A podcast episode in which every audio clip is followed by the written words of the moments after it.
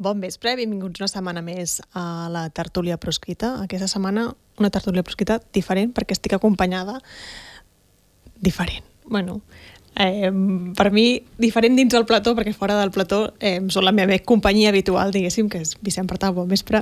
Hola. I Josep Noelar Casolleres, bon vespre. Què tal? Bon vespre. Dic, com, dic companyia diferent al plató perquè vosaltres sou la meva companyia diària dins de, dins de la redacció de VilaWeb, però normalment aquí tenim l'Albano i el Josep Costa, que avui l'Albano no pot venir perquè eh, per problemes personals, i el Josep el tenim a la pantalla, però sí que el tenim. Josep, bon vespre. Bon vespre, què tal? T'han robat el lloc avui, eh? Uh, bé, molt de gust l'he sentit. Perfecte. doncs si ja hi som tots, comencem amb la tertúlia proscrita.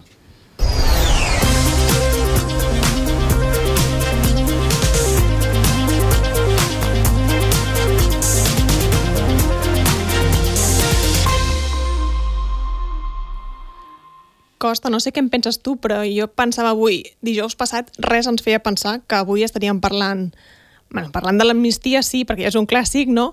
Però parlant amb els termes que estem parlant avui, eh, diguéssim, en una setmana ha canviat una mica tot. Bé, eh, la veritat és que podien passar diverses coses, però segurament el que no podia passar era que eh, l'amnistia fos total, immediata i blindada, diguéssim. No? Això, eh, que, diguéssim, tots aquests termes que s'han omplert la boca els negociadors i els portaveus dels partits eh, eren bastant, eh, diguéssim, objectius inassolibles. Jo crec que eh, s'havia d'arribar en el moment que s'ha arribat, que s'ha xocat contra un, un, un principi de realitat, si voleu, que és que a Espanya governen els jutges i que, per tant, eh, governant amb, el, amb allò que es diu govern, és a dir, l'executiu, el, el, gabinet d'en Pedro Sánchez, estàs eh, tractant amb el masover, no estàs tractant amb l'amo de la finca i, per tant, eh, els tractes que pots fer tenen uns límits. I eh, jo crec que en, hem arribat al punt de que se li han vist els límits i, i ara eh, queda aquest punt de, de no, aquesta pausa de 15 dies, que ja veurem, perquè en principi els terminis parlamentaris, eh, eh, tothom que ho coneix una mica sap que sempre es poden prorrogar, i quan es prorroguen mai se sap quan se deixen de prorrogar. Uh, en aquest cas, en la qüestió de l'amnistia, és una decisió unilateral del PSOE i Sumar, que tenen majoria a la, a la mesa de la Comissió de Justícia, per tant, ells poden prorrogar els terminis o decidir no prorrogar-los en funció dels seus interessos polítics. Esquerra i Junts, en principi, no tenen ni veu ni vot en la pròrroga o no pròrroga dels terminis. Um, I veurem durant aquest temps uh, si s'arriba a la conclusió de que l'amnistia que es pretenia és impossible, o si es conformen amb menys, o si es troba una solució màgica eh, que pugui conjuminar eh, una cosa que jo la veig, diguéssim, com, com la quadratura del cercle, que és una llei compatible amb els principis de garantia de l'estat de dret que imposa la Unió Europea i que, per tant, pugui passar una prejudicial al Tribunal de Justícia i a la vegada sigui una llei que diguéssim que resolgui els problemes d'un estat que no és un estat de dret, que és Espanya. Uh -huh. On manen els jutges i que les lleis les reescriuen, les reinventen i les fan a mida seva. I clar, això per mi és la quadratura del cercle. Eh, Josep, no sé si perquè la gent ho entengui, no? perquè crec, mm. crec que aquesta setmana hi ha hagut una mica d'embolic en què estava passant, en què no estava passant. Per què Junts finalment decideix votar no? Mm. Uh, Junts decideix votar no perquè eh, al final és coherent amb el que va sortir de la Comissió de Justícia amb les esmenes que va mantenir vives. És a dir, és coherent en aquest sentit. Si tu mantens vives unes esmenes que eh, en el text de la llei d'amnistia que el PSOE inicialment no hi dona suport, i les mantens vives i dius això s'ha d'aprovar, això s'ha d'incorporar en el text tant sí com no, si no aquesta llei no pot ser vàlida, Aleshores, eh, si vota que no, és coherent amb això. Mm, eh, sí que és veritat que eh, d'entrada, quan es va sortir de la Comissió de Justícia, el, la part dels de, negociadors i dels portaveus de Junts per Catalunya feien un discurs que tampoc era massa catastrofista ni excessivament negatiu sobre el text que s'havia aconseguit acordar amb el PSOE a la Comissió de Justícia. Uh -huh. Però, és clar, és que després va haver-hi en 24 hores eh, un moviment nou de García Castellón que deixava molt en evidència uh, aquell text precisament el comprometia absolutament. Uh, I això hi podem entrar ara uh, uh -huh. en detall, si cal, no? que és, és aquesta referència a que els, els delictes eh, de terrorisme eh, quedarien exclosos en el cas sempre i quan es vulneressin dos articles del Conveni Europeu de Drets Humans. Doncs l'endemà García Castellón diu que la causa del tsunami i veu que s'estan vulnerant possiblement eh, aquests dos eh, articles del Conveni Europeu de Drets Humans.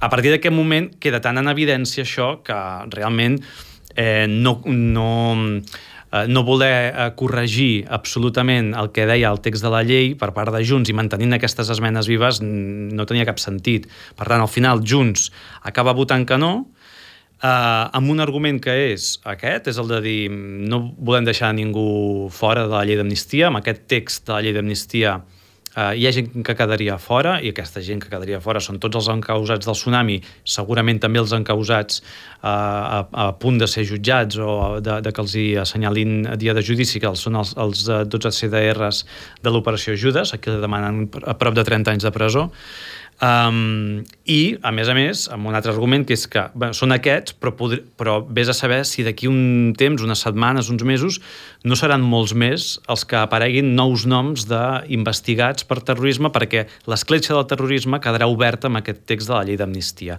Principalment l'argument de Junts um, és aquest, Um, que llavors aquí també s'hi barregen altres consideracions uh, potser més polítiques, és a dir, el que no podia fer Junts entenc, era després del que va passar amb l'aprovació dels decrets aquells òmnibus, etc, amb aquella aprovació o, o aquell aval d'última hora eh, contra tot pronòstic dels decrets aquests clau de, de Pedro Sánchez, eh, el que no podia fer era tornar a fer una cosa semblant uh -huh. ara, no? I, I, per tant, políticament per Junts jo crec que era important, des d'un punt de vista de mantenir la, la, la distància, marcar una distància important respecte a Esquerra, de dir, Um, nosaltres no estem negociant uh, i fent les coses i acceptant-les a qualsevol preu, com si que vosaltres les esteu ja acceptant per anticipat. No? Esquerra ja va dir uh, unes quantes hores o dies abans de la votació d'aquest uh, d'aquest dimarts en el Congrés que, que, que ja li semblava bé la llei malgrat haver presentat ells també i haver mantingut esmenes vives.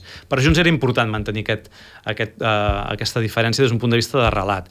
I llavors, des d'un punt de vista més del contingut, això que us deia, realment aquí hi ha una escletxa oberta amb el, amb el tema del terrorisme que s'hauria de tancar, uh, que a més a més hi ha una altra cosa, que és que amb aquest text de la llei d'amnistia que es va rebutjar, L'amnistia de Puigdemont és, uh, és impossible, i, i, i Puigdemont no és un qualsevol, ells diuen que, no pens, que ells pensen en tothom i, i, i, i no dubto que sigui així i que vulguin incloure el màxim de gent possible, però Puigdemont és un actiu absolutament eh, importantíssim, eh, és el, un puntal absolutament importantíssim per Junts, no? Eh, I l'amnistia la, de Junts, eh, de, perdona, de Puigdemont, eh, crec que seria pràcticament impossible amb el redactat actual de la llei. Ara la qüestió és, amb un altre redactat, traient la referència de terrori, de, del terrorisme, si és que mai l'arriba a acceptar el PSOE, aquest, aquesta eliminació de la referència del terrorisme, quedarà igualment blindada la llei, serà possible, sí, amnistiar tard o d'hora, d'una manera clara i, i, i rotunda, tota aquesta gent que ara eh, és clar que queda fora, no? aquesta també és la qüestió. Avui, precisament, uh, Oriol Babel entrevistava Joaquim Urias, que deia, eh, Joaquim Urias, que deia no es pot fer una llei que s'adapti a la imaginació de García Castellón, Costa tu sempre ho has dit, que en realitat eh, contra els jutges, els jutges sempre faran el que ells voldran, diguéssim. Sí, no, no, efectivament, en aquesta tertúlia ja ho havíem comentat alguna vegada, que el problema mai va ser de lleis, perquè si haguessin aplicat les lleis, no? aquesta frase que ha fet Fortuna de, del debat de l'altre dia, no? si els tribunals l'apliquen bé, és que si els tribunals aplicassin bé les lleis, no hi hauria hagut el judici de l'1 d'octubre, no hi hauria hagut centenars de persones perseguides. Si, si els tribunals aplicassin bé les lleis, no caldria l'amnistia. Per tant, si l'amnistia és la solució pel fet que els tribunals no han aplicat bé les lleis fins ara, eh, diguéssim, eh, té, té les seves limitacions en, tal, en tant que llei, que és una llei més. Um, jo crec que el, el, el problema fonamental aquí és eh, de, de quin és l'objectiu, no? És a dir, de si realment eh, creus que pots fer una llei que eh, reconfiguri no només la, el que és delicte i el que no, el que està amnistiat, el que no, sinó que, d'alguna manera, ha de subvertir el funcionament i la correlació de poders i la correlació de forces entre els poders de l'Estat. És a dir, perquè això pogués ser efectiu de la manera que es diu que es vol fer, hauria de reequilibrar els poders de l'Estat. Hauria de treure poder als jutges i donar-li poder al govern i al, i al Parlament. I això, eh, eh, no sé fins a quin punt és possible, evidentment sempre eh, eh, en, en, en aquests processos existeixen, però eh, també té aquest altre límit que és tot el dret internacional eh, de drets humans, etc, el, el dret europeu, que imposa límits en el, a un govern, a un poder executiu que vol ficar la mà a la justícia. És a dir, perquè al final, aquí, el que està intentant el PP i, i Vox i tota la, la diguéssim, la, la, la gent d'ordre espanyola és fer veure que aquí s'està fent el mateix que, que, que feien a Polònia amb els jutges i pel motiu pel qual la Unió Europea va anar a, a, al punt d'amenaçar amb l'article 7 de la, del Tractat de la Unió, que és de suspendre drets de, de, de, de Polònia com a estat de la Unió. És a dir, um, hi ha un problema d'expectatives i de mitjans per assolir el, aquestes expectatives. Jo crec que, a banda d'això, uh, hi ha un problema també uh, tècnic en la llei, que és que si tu fas una llista de delictes, és a dir, de definicions del Codi Penal que no estan emparades per l'amnistia, eh, és molt fàcil, li dones molt fàcil als jutges d'entrar per aquesta porta manipulant la descripció dels fets. Perquè allò que s'amnistia, que és l'article 1 de la llei, diu aquests fets, aquests actes, aquestes conductes, eh, estan dins l'àmbit de l'amnistia. I llavors, en l'article 2 dius si es considera que és terrorisme, no està inclòs. Si es considera que és traïció, no està inclòs. Si es considera um, que s'ha produït per motius de discriminació uh, de qualsevol tipus, tampoc està inclòs. Aleshores, tu pots ser perfectament que estiguis a l'article 1, per tant, que t'hagis de beneficiar de l'amnistia, i després pot ser que un jutge s'inventi que també estàs dins l'article 2, que aleshores no estàs protegit per l'amnistia. I això és la decisió del jutge. I, per tant, hi ha un problema en el disseny de la pròpia llei. I jo crec que això no es resol ni tan sols amb les esmenes eh, eh, sobre terrorisme o sobre traïció, perquè l'altre l'altre punt, aquest de, dels motius discriminatoris, és a dir, qualsevol delicte que s'hagi perpetrat, diuen, eh, amb una motivació de discriminació d'algun tipus, diu la llei, que és molt àmplia, és la definició de qualsevol delicte d'odi, de discriminació, d'atac cap a grups per eh, la seva condició eh, social o de qualsevol tipus, aquí, eh, per mi és una altra via d'aigua, és a dir, els jutges hi poden ficar qualsevol cosa aquí. Eh, i, i, I gent acusada de delictes d'odi hi ha hagut. I, per tant, tampoc és res molt, molt impensable que puguin tornar a treure els delictes d'odi associats a, a, als fets amnistiats per dir que no estan coberts per l'amnistia. I d'això no en parla ningú. Però sí que pots... Parlant de terrorisme, tothom parlant de traïció, però ningú parla dels delictes d'odi que estan allí també en la llista d'exclusions. De, no, anava a dir, perdona, Josep, però sí que, però sí que pots reduir el marge d'interpretació o de, de, de filibusterisme del jutge que li interessi aplicar com li interessi la llei. És a dir, que tu fas referència a aquesta última exclusió dels delictes eh, d'odi per raó de raça, d'origen, eh, d'orientació sexual, etc etc.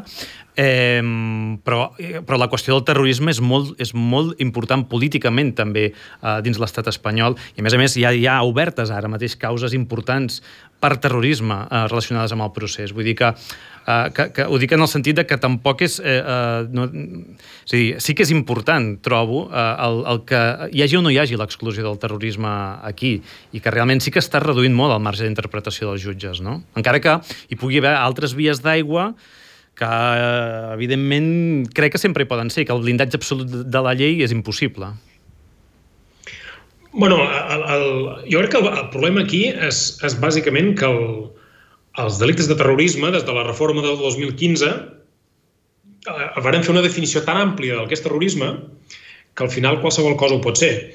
Um, i, però jo, jo, eh, és a dir, eh, és cert eh, que, que si tu fas la llei, diguéssim, tècnicament ben feta, eh, eh, hi ha menys marge, és a dir, no és que tingui menys marge, és que ha de ser més barroer i la prevaricació ha de ser més evident mm. per saltar-t'ho. Això, això, això és així. Uh, però el, el... No ho sé, jo trobo a faltar, per exemple, que en l'exposició de motius uh, es digui explícitament, cosa que no hi és ara, es digui explícitament que a Catalunya, durant els anys eh, de que, diguéssim, en els que es refereix aquesta llei, diguéssim, durant els anys amnistiats, no ha passat res que estigui en l'àmbit exclòs de la llei. Això, com a criteri interpretatiu, aquesta frase es podria perfectament posar a l'exposició de motius. Dir, escolti'm, es posen aquestes exclusions de la llei per una qüestió tècnica, però a Catalunya no ha passat res del que queda exclòs de la llei. Això es podria, aquesta frase es podria posar. Per què no es posa aquesta frase? Eh, si es vols un criteri interpretatiu eh, eh, eh, clar, de dir, escolti'm, estic amnistiant tot el que ha passat a Catalunya en els últims anys dins el conflicte polític. Això es podria dir, es podria definir d'aquesta manera. Però si després comences a fer una llista de, de delictes, perquè tu no amnisties delictes, amnisties fets, i després fas una llista de delictes exclosos de l'amnistia, clar, li estàs dient als jutges que si no vols aplicar l'amnistia has de passar pels delictes exclosos. I, per tant, els, els expandeixes. El delicte de terrorisme estic completament d'acord. El, el delicte de terrorisme ja està definit d'una manera tan àmplia que hi cap moltes coses. Per tant, si tu exclous terrorisme, t'hi faran entrar qualsevol cosa. I, i, i estic d'acord amb, no? amb el que va dir en Boi l'altre dia, no? entrevista que li va fer en Josep, que deia que al final no són els 26 que hi ha ara en les causes aquestes de tsunami, de l'operació Judes, etc, sinó que qualsevol de nosaltres pot estar després acabant en una causa d'aquestes acusat de terrorisme. Per tant, sí que a, a, aquesta, aquest redactat de la llei és, és un colador.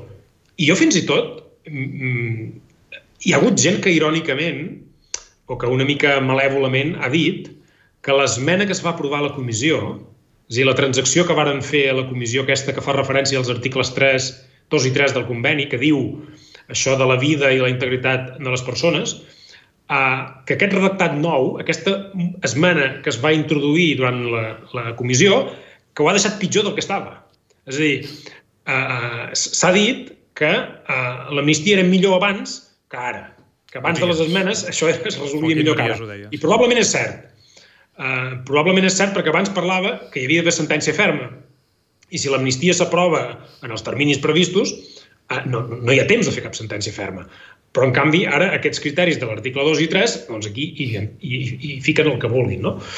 Uh, per tant... Costa, ara que deies això de, és a dir, que el problema també és com està definit en el Codi Penal el terrorisme, diguéssim, a l'estat espanyol. Mm. Uh, Ascens aquesta setmana em proposava aprovar l'amnistia tal com està ara i després fer una reforma del delicte de terrorisme en el Codi Penal. Això podria ser una solució? Um, Espanya no té solució. Si partim d'aquí, vale.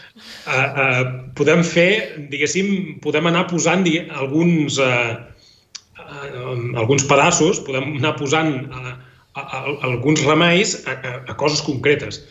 És evident que el delicte de terrorisme és un disbarat com està això.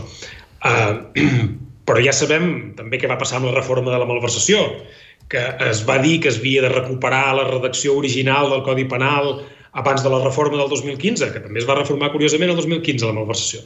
Doncs el, es va recuperar la redacció anterior a la reforma del 2015 i no va servir per res.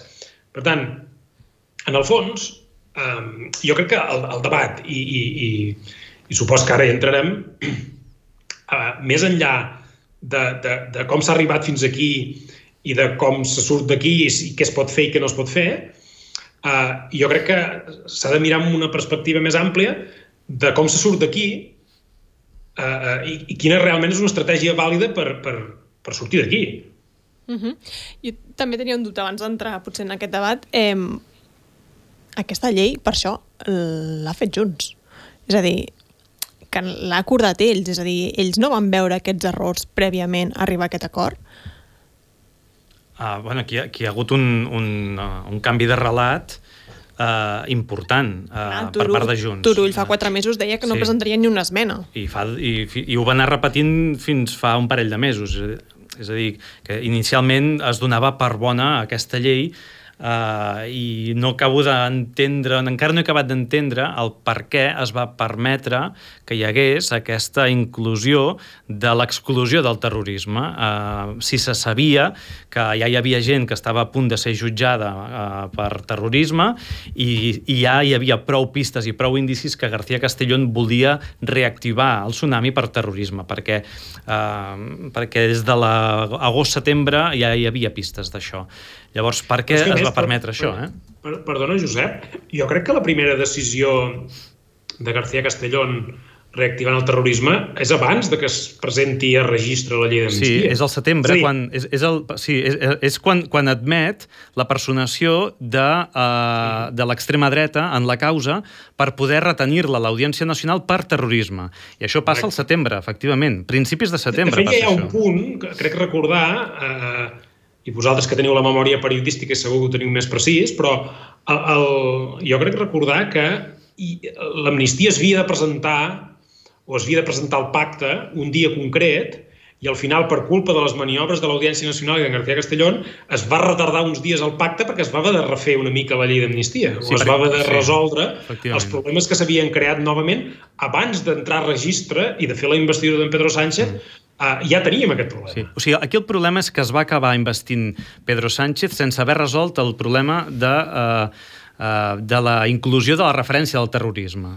I, I amb la llei entrada a registre en el Congrés, de manera que jo crec que aquest és el pecat original que fa que ara sigui molt complicat fer marxa enrere políticament per, per, pel Partit Socialista, fer marxa enrere ara amb aquesta qüestió, perquè, eh, perquè el terrorisme és el, és el gran eh, tòtem de la política espanyola de les últimes dècades que s'ha utilitzat eh, in, eh, de manera eh, intencionada eh, per perseguir dissidents, l'enemic polític, etc. No?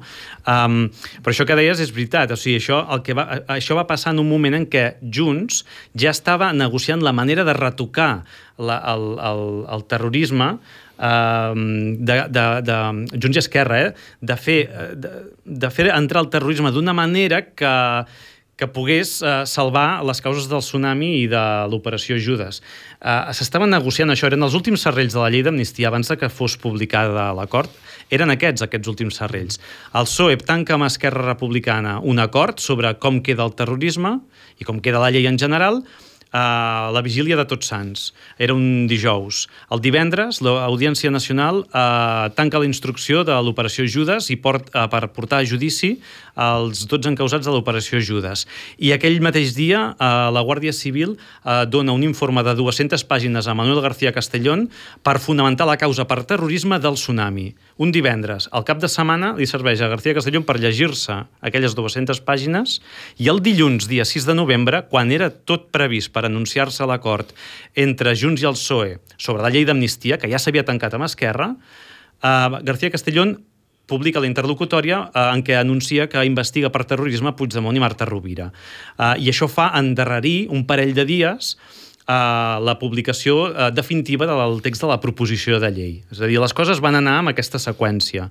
Eh, i, el que acaba, I el que acaba sortint és un text que és aquell que coneixíem de que s'inclou l'exclusió del terrorisme sempre i quan hi hagi sentència ferma. Que és un redactat que no era el pactat amb Esquerra, que això disgusta Esquerra, que no era el que acabava d'acordar, no ho vol signar Esquerra, però al final tots eh, acaben eh, beneint aquell redactat perquè permeten que entri a registre. I aquest és el gran eh, problema mm, que van permetre Junts i Esquerra eh, que passés. És a dir, que això passés, que s'entrés a registre, que comencés la tramitació d'aquest text amb la presència del terrorisme, perquè quan han fet això, després investeixen Pedro Sánchez i ja no hi ha manera de pressionar eh, Pedro Sánchez i el PSOE perquè retirin el terrorisme i retirin aquesta referència al terrorisme que és tan perillosa i que és aquesta via d'aigua perillosíssima que comentaves tu, Josep. Um, no, no hi ha manera fins a això que hem vist aquesta setmana, que és aquest, aquest, aquest vot negatiu a la llei tal com està, i ara a veure què és el que acaba passant, i a veure què és el que... qui acaba cedint aquí, no? Uh... També és veritat que, que clar, el resum de tot això, del, del que acabes de dir, només dic una frase més, eh? I, i en Vicent ja el tenim una estona aquí esperant oh, per intervenir, crec, però el... Estem escoltant els experts. Hem, hem arribat al punt, clar, Junts ha fet un gest, diguéssim, de, de, de plantar-se i, i, de, i de dir per aquí no, però hi ha, hi ha un petit problema en l'estratègia aquesta, que és que l'amnistia, en realitat, és el preu que Junts ha de cobrar per, per la investidura que ja ha pagat. És a dir, a, a, en realitat, Pedro Sánchez ha cobrat la investidura i ara han barrancat l'amnistia, que és el que havia de cobrar Junts i, i Junts és qui ha bloquejat el, el, el, el que havia de cobrar d'aquest pacte. Ara, evidentment, no estic dient que el PSOE no tingui un problema, però també tens tu un problema quan embarranca el que és la teua retribució d'aquest acord. Vicent.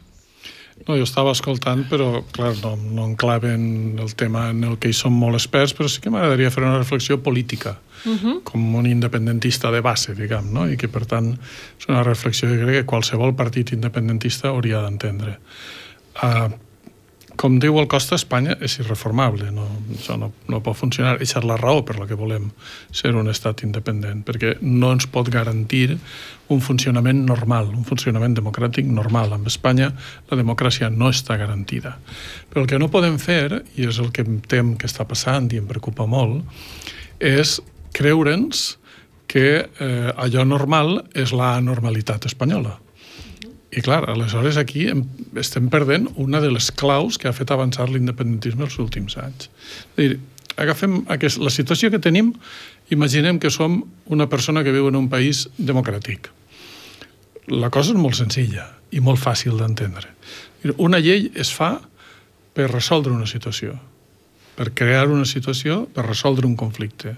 Aquesta llei es fa, ho han dit tots, per desjudicialitzar el procés i per acabar amb la repressió. Molt bé. Per tant, la llei ha de ser efectiva. Una llei no es fa per a veure si eh, això que diuen ara la, eh, si fos ben aplicada, no, perdona, una llei, no, una llei s'aplica i punt. No si es fos ben o deixes de fer, una llei no ha de tenir aquest marge.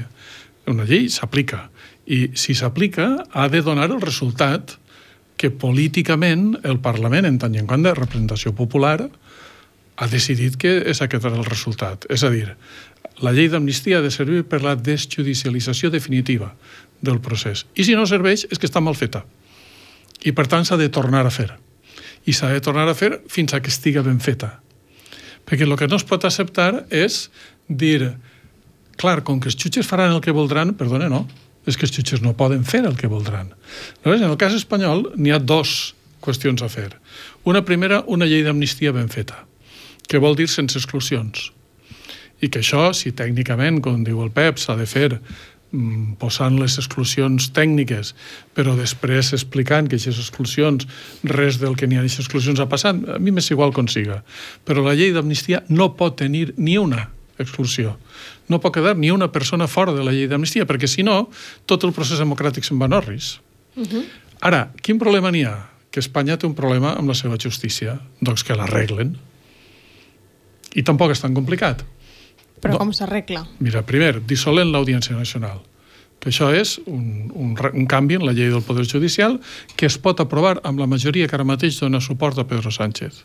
Es dissol l'Audiència Nacional, que és un tribunal d'excepció, que pot fer coses excepcionals que no es pot fer cap altre tribunal i que és la font màxima del desastre d'això. Dos, perseguint els jutges prevaricadors. Un jutge prevarica perseguit. Perseguit per l'Estat perquè està incomplint la seva funció. És que si no, si nosaltres ens acostumem a dir això a Espanya funciona de manera diferent i per tant hem d'acceptar això, o oh, és que aquesta llei si els jutges la utilitzaren bé, seria bona. Perdona, això, això, això és un absurd en, en termes democràtics. No, no, nosaltres això no ho podem acceptar. el catalanisme, l'independentisme, no pot acceptar aquest funcionament d'Espanya. I això és el que van fer i el que hem estat fent en tot el procés polític. Dir, escolta, Espanya és un estat que no ens garanteix eh, una vida democràtica. I com que no ens garanteix una vida democràtica, ens volen fer independents. Ara ens trobem en una situació en la que hem de passar encara pel forat d'aquest estat. Doncs si hem de passar pel forat d'aquest estat, el que no podem fer és comprar-los la idea de democràcia que tenen ells, perquè aleshores sí que estem perduts. Per tant, la llei d'amnistia ha de ser total i absoluta per a tots. I si no és així, no val, i s'ha de refer les vegades que faci falta. I segona, s'ha d'exigir els canvis, efectivament, si contrastat amb la realitat resulta que el Poder Judicial no va fer cas, doncs sí, dissolució de l'Audiència Nacional, canvi del tipus penal de terrorisme, persecució als jutges eh, prevaricadors, etc etc. Perquè és que si no, què estem fent? Eh, estem acceptant el marc espanyol, que és el que no hem acceptat des que ha començat el moviment independentista, com a normal? Quan jo escolto els partits polítics espanyols, els partits polítics catalans independentistes, dir oh, és que clar, eh, això, mm, si, si Espanya fos d'una altra manera, perdone, és que aleshores, no, això no, nosaltres no podem tolerar de cap manera això. I ahir és on jo veig interessant que Junts s'hagi plantat. No ja per la llei d'amnistia, eh, o sigui, més enllà de la llei d'amnistia. El fet de dir prou. Nosaltres per ahir no podem passar. Perquè si entrem en aquesta voràgine, ja ens tenen, ja ens han atrapat. Per tant, nosaltres ahir no podem passar. Escolta, que aquesta llei no pot funcionar, que no pot garantir una amnistia per tots, doncs pues s'acaba la legislatura. Uh -huh. Per què hem de seguir? Eh, ara demanaré a l'Aleix que fem un canvi i no posem el primer vídeo sinó el segon, però és perquè tot el fa restona que tots esteu parlant d'aquesta frase que va fer Pilar Ballugera eh, amb el Congrés de Diputats espanyol eh, aquesta setmana, on deia aquesta llei ben utilitzada pels tribunals, si us sembla, escoltem exactament què va dir. I aquesta llei, ben utilitzada pels tribunals, garanteix l'amnistia a tota la nostra gent, perquè no va haver-hi terrorisme, perquè no hi ha hagut traïció, perquè aquests jutges estan fabulant contínuament i estem caient en el seu parany d'anar-la modificant en funció d'uns interessos completament espuris. Què fan les amnisties? Les amnisties amnistien conductes. Les amnisties amnistien fets i parlàveu d'un debat, debat real. En realitat hauríem de parlar d'un debat assentat a la realitat, assentat al que realment va fer. Aquesta setmana veiem amb, aquests, amb aquestes paraules, no? eh, veiem precisament que hi havia un trencament entre Esquerra i Junts, és a dir, fins ara mateix, fins ara, Esquerra i Junts, amb el tema de l'amnistia, no amb tots els temes, però amb el tema de l'amnistia havien anat conjuntament eh, amb algunes, el que tu explicaves, tenien algunes diferències, però s'havien mantingut públicament eh, conjunts. Aquesta setmana veiem clarament que això es trencava i mm, en aquestes paraules anaven directament per Junts. Sí, va sorprendre no, la, la vehemència aquesta de la intervenció de, de la portaveu, de la representant d'Esquerra aquí. Uh, Esquerra va anar al Congrés, uh, va anar-hi el president d'Esquerra, Oriol Junqueras, amb un gest que era clar que semblava que tenien molt coll avall, que allò s'aprovava, i una manera de beneir el text d'aquella llei i tirar, i, i, i tirar endavant, eh? i de que continués la tramitació, i que allò els va de, el no de Junts els va descol·locar. Um, va ser un no que suposo que va sortir d'un debat intens eh, i important dins de Junts, perquè estic segur que hi havia gent dins de Junts que era partidària d'aprovar mm, la llei, com a mínim anar amb aquesta llei que sabent que no era del tot eh, bona, que tenia mancances i a veure si potser més endavant ja es podria reformar o si el Codi Penal, com diu l'ascens o el que fos. Però però això, aquest no, efectivament, va, va sorprendre a, a Esquerra. I, I aquí, en aquest discurs de la Pilar Ballugera, és un discurs que és com molt contradictori, només aquest tros que hem escoltat, és com molt contradictori en si mateixa, perquè, a veure, diu, les amnisties de què serveixen? Per amnistiar conductes, fets, és el que deia abans el, el Josep Costa. Doncs llavors aquesta llei està mal feta, perquè no para d'esmentar i especificar delictes que exclosos, inclosos... No, no, s'han d'amnistiar conductes, fets. Si comences a fer una llista de delictes d'exclusions, malament. És a dir, i, i per això aquest és el problema d'aquesta llei, perquè llavors eh, permets això eh, que, que ella mateixa diu si fos ben utilitzada, no? Bé, si fos ben utilitzada també deia el Pep Costa que que si hagués estat ben utilitzada la llei pels tribunals no, no hauria fet falta una amnistia, no? Uh -huh. uh, però llavors sí que han trobat aquest punt en què uh, Esquerra ha hagut de justificar d'una manera que jo no, no, no, no trobo que, sí, que, que, que tingui arguments lògics, uh, perquè la mateixa Pilar Vallugera hem vist que, que, es, que es contradiu, um, i que em sembla que respon a una necessitat de que això s'aprovés ràpidament i que pogués tenir efectes sobre causes eh, en què hi ha molta gent d'esquerra que malauradament està sent represaliada des de fa temps amb diferents causes. Una és la del tsunami. Amb el tsunami poden passar coses aviat. Eh, ja hem vist que el Rubén Wagensberg és a Suïssa. Eh, és una causa per terrorisme i poca broma amb això, que eh, estan pendents de, de declarar tota la gent que està investigada quan els portarà a declarar? I quan, portes a, quan crides a declarar algú que estem sent investigat per terrorisme, eh, això implica eh, ordres de detenció o, i ordres de presó perquè, perquè no se, no se t'escapin. O sigui que poden passar coses amb el tsunami, però és que el 10 d'abril, que és quan just en més o menys dia amunt dia avall estava previst que entrés en vigor la llei d'amnistia si no hi hagués hagut aquest contratemps, dia 10 d'abril és quan està assenyalat el judici per eh, Lluís Salvador i Josep Maria Jové i la Natàlia Garriga, pesos pesants d'Esquerra.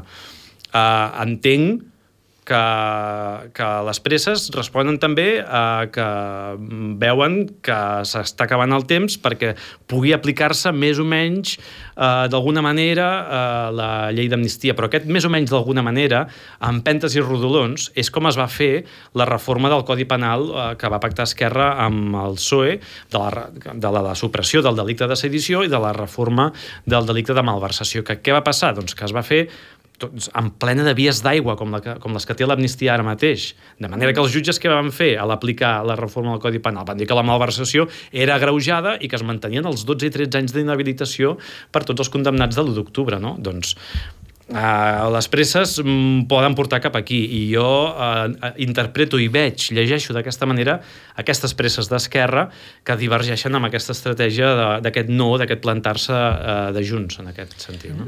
Abans que parla el Costa, un comentari també en la mateixa línia política. És a dir, uh, no oblidem d'on venim. El moviment independentista sempre ha parlat de la confrontació amb l'Estat per vies pacífiques, però a parlar de resistència i de confrontació eh, amb l'Estat. Mm, acusar de terrorisme als, a tots els fets del, de, del procés d'independència és una mentida i estem en contra de que s'utilitzi judicialment perquè és una mentida. Però traïció a Espanya, oi oh, tant que sí. Oi oh, tant que sí, orgullosament, a més. Escolta, jo, no sé, des dels 15 o els 16 anys vaig assumir que tinc una ciutadania a la qual vull trair, perquè jo no vull ser això que diuen que sóc, això que m'obliguen a ser. Per tant, tampoc ens posem ara a defensar-nos de les coses com si foren pecat. Escolta, no ha hagut terrorisme en tot el procés i ja està bé de broma, no n'hi ha hagut cap terrorisme i això ho hem de defensar. Ara que nosaltres volem trair l'estat al qual pertanyem, clar que sí, que vinguen, que ens detinguen, que ens posen en presó per això. I aleshores avançarem, perquè posarem sobre la taula les contradiccions del cas. Perquè al final la qüestió no és si uns s'amnistien o uns altres no s'amnistien. La qüestió és si ens fem independents o no ens fem independents. I aquest és el tema central. I és el tema al voltant del qual hauria de girar tot, no? I no aquesta situació pantanosa en la qual estem ara, que quan una persona se'n va a l'exili, en comptes de dir que se'n va a l'exili, diem que se n'ha anat a instal·lar-se.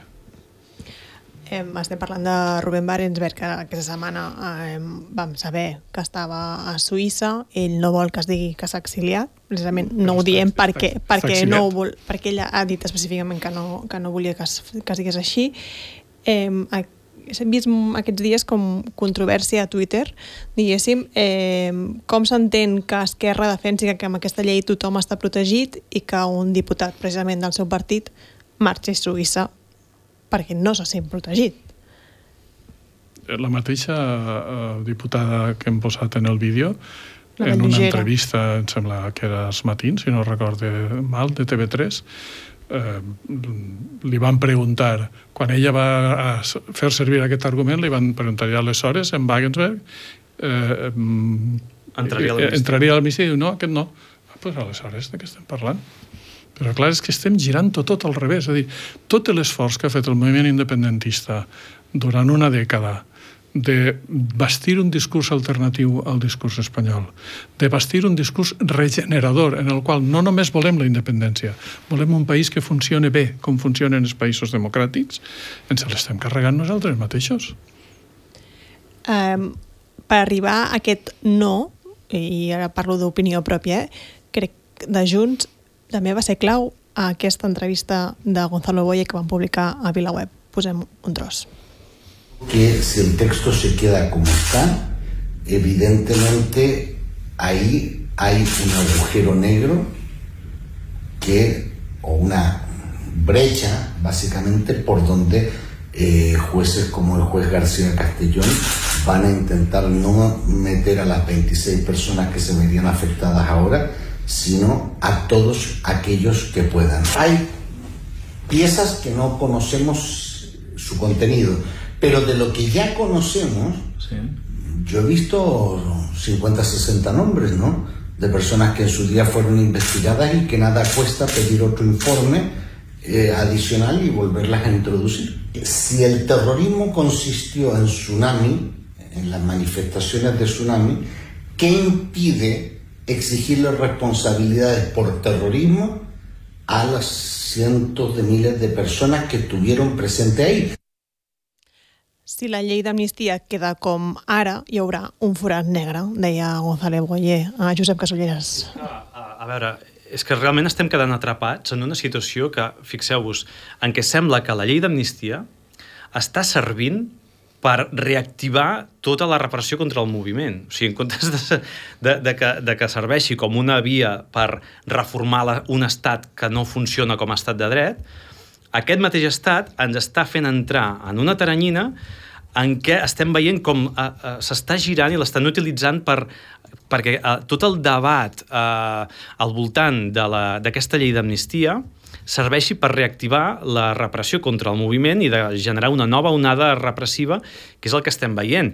I poca broma amb això, perquè això que diu el Gonzalo Boye eh, mm, eh, implica, no, no és una cosa d'un o dos jutges bojos. O sigui, aquí hi ha tota una estructura del poder judicial espanyol que està treballant en aquest sentit i en aquesta línia Uh, per crear una situació de persecució i de qualificació per terrorisme contra molta gent, contra moltes molts actes, moltes uh, activitats, moltes iniciatives, moltes coses que s'han fet o que es puguin fer dins de, uh, en l'independentisme català, és a dir, uh, identificant bé l'enemic, uh, aplicant la plantilla basca de la Cali Borroca i, de, uh, i, i aprofitant aquesta qualificació, aquesta definició del terrorisme tan líquida que hi ha en el Codi Penal i que permet aplicar-ho a qualsevol cosa, no? I de, uh, i de fer aquesta mena de Cali Borroca catalana eh, que en dius Calia Borroca, però això et permet aplicar la, aquesta plantilla del, del, de, del terrorisme ho és tot, i que d'aquí se'n vagi, ens anem a il·legalització d'organitzacions eh, o de partits polítics independentistes, estan intentant fer això,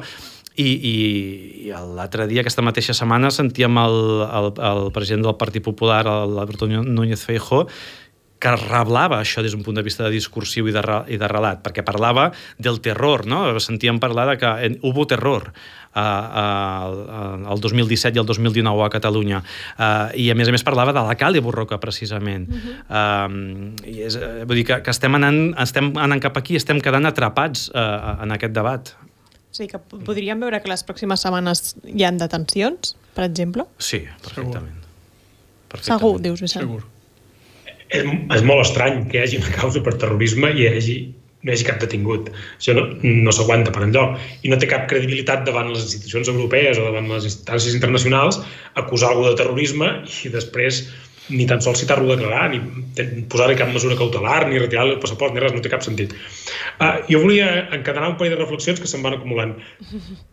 Una, um, ens hem de preguntar, per entendre l'adversari per on va. Um, és curiós que uh, aquests jutges uh, hagin sempre, en cada moment, mogut les seves peces abans de que passin les coses en el Parlament. És a dir, uh, uh, tenc el dubte de si realment volen acabar fent allò que comencen a fer o realment la seva prioritat és condicionar la vida parlamentària. És a dir, eh, obren terrorisme abans de que registri la llei, eh, imputen gent abans de la investidura, després, eh, abans de que es facin les esmenes, mouen coses, després hi ha el dictamen i abans de que s'aprovi definitivament, entren per allà on han deixat l'escletxa les esmenes. Eh, hi ha, eh, clarament, veus que hi ha una, una actuació preventiva.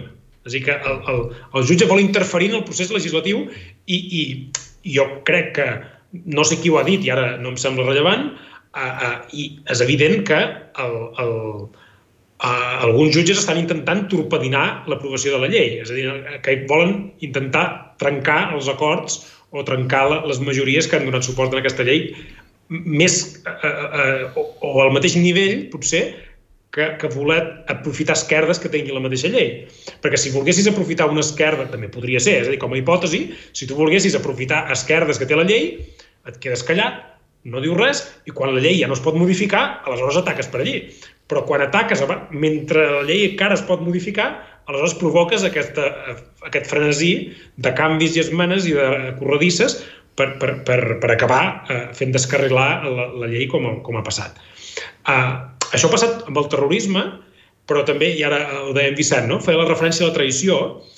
L'article aquest de la, de la traïció, uh, tothom sabia que hi era, uh, tothom sabia que en, el jutge Aguirre, en tota la fantasia aquesta de la trama russa i tot això, entraria per aquell article, tothom ho sabia. És dir, feia tres mesos que tots sabíem que el cas, de, el cas Volhov, que el tema de la trama russa entrava en aquesta exclusió dels delictes de traïció. Això, això tots ho parlàvem en privat. Alguns es resistien a, a parlar-ne en públic per allò de no dones idees. Hòstia, és que clar, ara no diguis això perquè dones idees. Però és que, és que era evident que en, el jutge Aguirre entraria per aquesta esquerda de l'amnistia que eren els delictes de traïció. I, i ningú en deia res, fins que el jutge Aguirre ha llançat la seva, el seu atac i tothom, oh, tothom corrent, corrent, corrent, hòstia, hòstia, hòstia, han de treure aquest, aquest apartat de la llei. Des del primer dia sabíem que això podia passar i que passaria. I què, què estan dient? Que si el jutge Aguirre no hagués disparat la setmana passada la llei d'amnistia s'hauria aprovat amb aquesta esquerda? I si hagués disparat quan la llei ja no es podia modificar, ens hauríem menjat amb patates? És això? Dir, també reflexionem-hi. Per això que deia abans, perquè hi ha una altra esquerda del que ningú parla. I, i, i jo aquesta vegada he optat per no fer això de calla que no donis idees. Aquesta vegada he dit no, vaig a dir-ho, perquè si no encara passarà que això ningú ho tocarà, ningú se n'adonarà, o ningú voldrà donar-se'n, perquè donar-se'n tothom sap que és allò, però ningú diu res, ningú ho esmena, no hi ha hagut cap esmena, ningú ha fet una esmena demanant eliminar la referència als motius discriminatoris i als delictes d'odi. Per tant, mm, bueno, no ho sé, allí ens poden agafar per sorpresa. I, i, i l'altra cosa que, que volia dir, i, i no sé si ara ja està deslligat del que dèiem abans, jo crec que Esquerra um, va en aquesta negociació amb una filosofia diferent. Aquest viatge de n'Oriol Junqueras és molt curiós perquè jo crec que Junts i Esquerra l'endemà que es va presentar la llei d'amnistia, estaven competint a veure qui es posava la medalla de l'amnistia. És a dir, els dos partits, que estan competint de manera malaltissa constantment, estaven competint en aquell moment per posar-se la medalla de quina gran amnistia que hem aconseguit nosaltres. Els altres no, nosaltres. Per això en Turull deia no, aquesta llei és perfecta, l'hem fet a nosaltres, els posava la medalla i més no farem cap esmena, etc etc. I ara eh, és tot el contrari, no? I N'Oriol Junqueras anava allà a Madrid a posar-se la medalla hem aconseguit l'amnistia. Uh, i, i, i ha acabat tot, tot, tot plegat com, com ha acabat. Però jo crec que hi ha, hi ha un matís que és important, que és que Esquerra ja ve més de lluny, i és que uh, el, els pactes d'Esquerra amb el PSOE uh, tenen una, una vocació de continuïtat. És a dir, el govern del PSOE és eh, una assegurança. No és una cosa que vas a comprar una cosa, te la donen, te l'emportes a casa i la gaudeixes, sinó que és una pòlissa d'assegurances. I jo crec que Junts ha intentat negociar l'amnistia com una cosa que compres, passes per caixa, cobres per endavant i després ja està. I, i són dues coses molt diferents. Perquè, per què? Perquè la lògica de l'assegurança és que mentre governi el PSOE jo no aniré a la presó. És a dir, Esquerra té amb el PSOE una assegurança contra la presó i això requereix que el PSOE estigui permanentment al poder, que no perdi mai el poder. Per això Esquerra mai deixarà caure el, el govern del PSOE, perquè és una assegurança, perquè si no funciona l'indult, funcionarà la reforma del Codi Penal, i si no funciona la reforma del Codi Penal, funcionarà l'amnistia, i si no funciona la primera amnistia, farem una segona amnistia, i si no funciona la segona, farem la reforma del Codi Penal del terrorisme, i si no funciona la reforma del terrorisme, farem una tercera amnistia. I això és l'assegurança que té Esquerra contractada amb el PSOE. I jo crec que és que Junts, amb bon criteri, eh, no ho veu igual. I, i, i no entra en aquesta lògica de que el PSOE ha d'estar al poder perquè si no jo aniré a la presó, sinó que a, a, intenta aconseguir una cosa diferent. De moment no ha funcionat, però a, a, és lògic i normal i, i, i jo crec que se li pot exigir, a partir del discurs i dels compromisos que han adquirit, que intenti fer una cosa diferent, que per fer d'esquerra ja hi ha l'esquerra.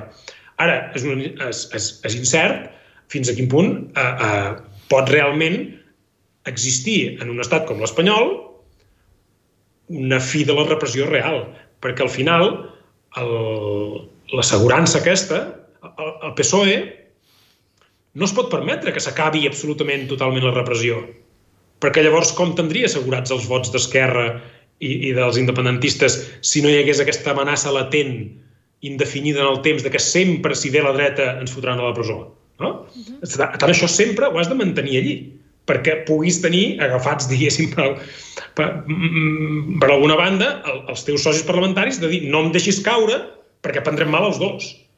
Uh -huh. Perquè podem seguir amb aquest argument, perquè jo crec que l'assegurança és mútua. El PSOE és l'assegurança de que els independentistes no vagin a la presó i, i el pacte també és l'assegurança de que els independentistes no facin res que desestabilitzi Espanya. Però si això és així, si, si aquesta paràbola que fas és, és així, que crec que és molt interessant, doncs aleshores Esquerra s'ha equivocat de companyia asseguradora perquè l'única assegurança és convertir-se en un estat independent. El que ja vam fer el 2017 i que simplement el govern no va voler tirar endavant, però ja es va aconseguir, perquè cal recordar-ho, que la independència es va aconseguir. A partir d'aquí, eh, trien un, una companyia d'assegurances que els està timant constantment i que els està augmentant el preu i que els està fent un, bullying total, quan l'assegurança mm, si, si aquest país vol viure en democràcia, l'única assegurança per fer això és, és fer-se independent. No val una assegurança dependent del Partit Socialista Obrer Espanyol, que és un partit que ha estat capaç d'assassinar gent eh, mentre estava en el poder, vull dir, escolta, no, de què estem parlant, no? De, de, quin, de quin venedor d'assegurances estem parlant? Bueno, la, el venedor d'assegurances te l'ha de cobrar cada any. És a dir, la, la, la gràcia de l'assegurança és que has de passar per caixa cada any i que si no et portes bé et pugen la pòlissa. Uh -huh. Eh, ens queden pocs minuts i volia fer una pregunta i és, i ara què, diguéssim, perquè eh, Sánchez avui ha dit que es nega a retocar l'amnistia i que tots els independentistes catalans seran amnistiats. Eh, Junts, de moment, també es manté ferms amb que, tal com està ara, no serà aprovada, però d'aquí 15 dies què passarà? Algú va deixar-se torcer el braç? Eh, sí, clar, ara és a veure qui cedeix. Uh, és el que dèiem abans, eh? o sigui, per, per, per part del PSOE ara és molt difícil políticament uh, retirar aquesta referència del terrorisme políticament eh, és, cada dia que passa és més complicat perquè tot el, el debat polític i mediàtic espanyol es va contaminant d'això i perquè la pressió en aquest sentit creix molt Um, i, i jo entenc que uh, és complicat que, que ho acabi rectificant.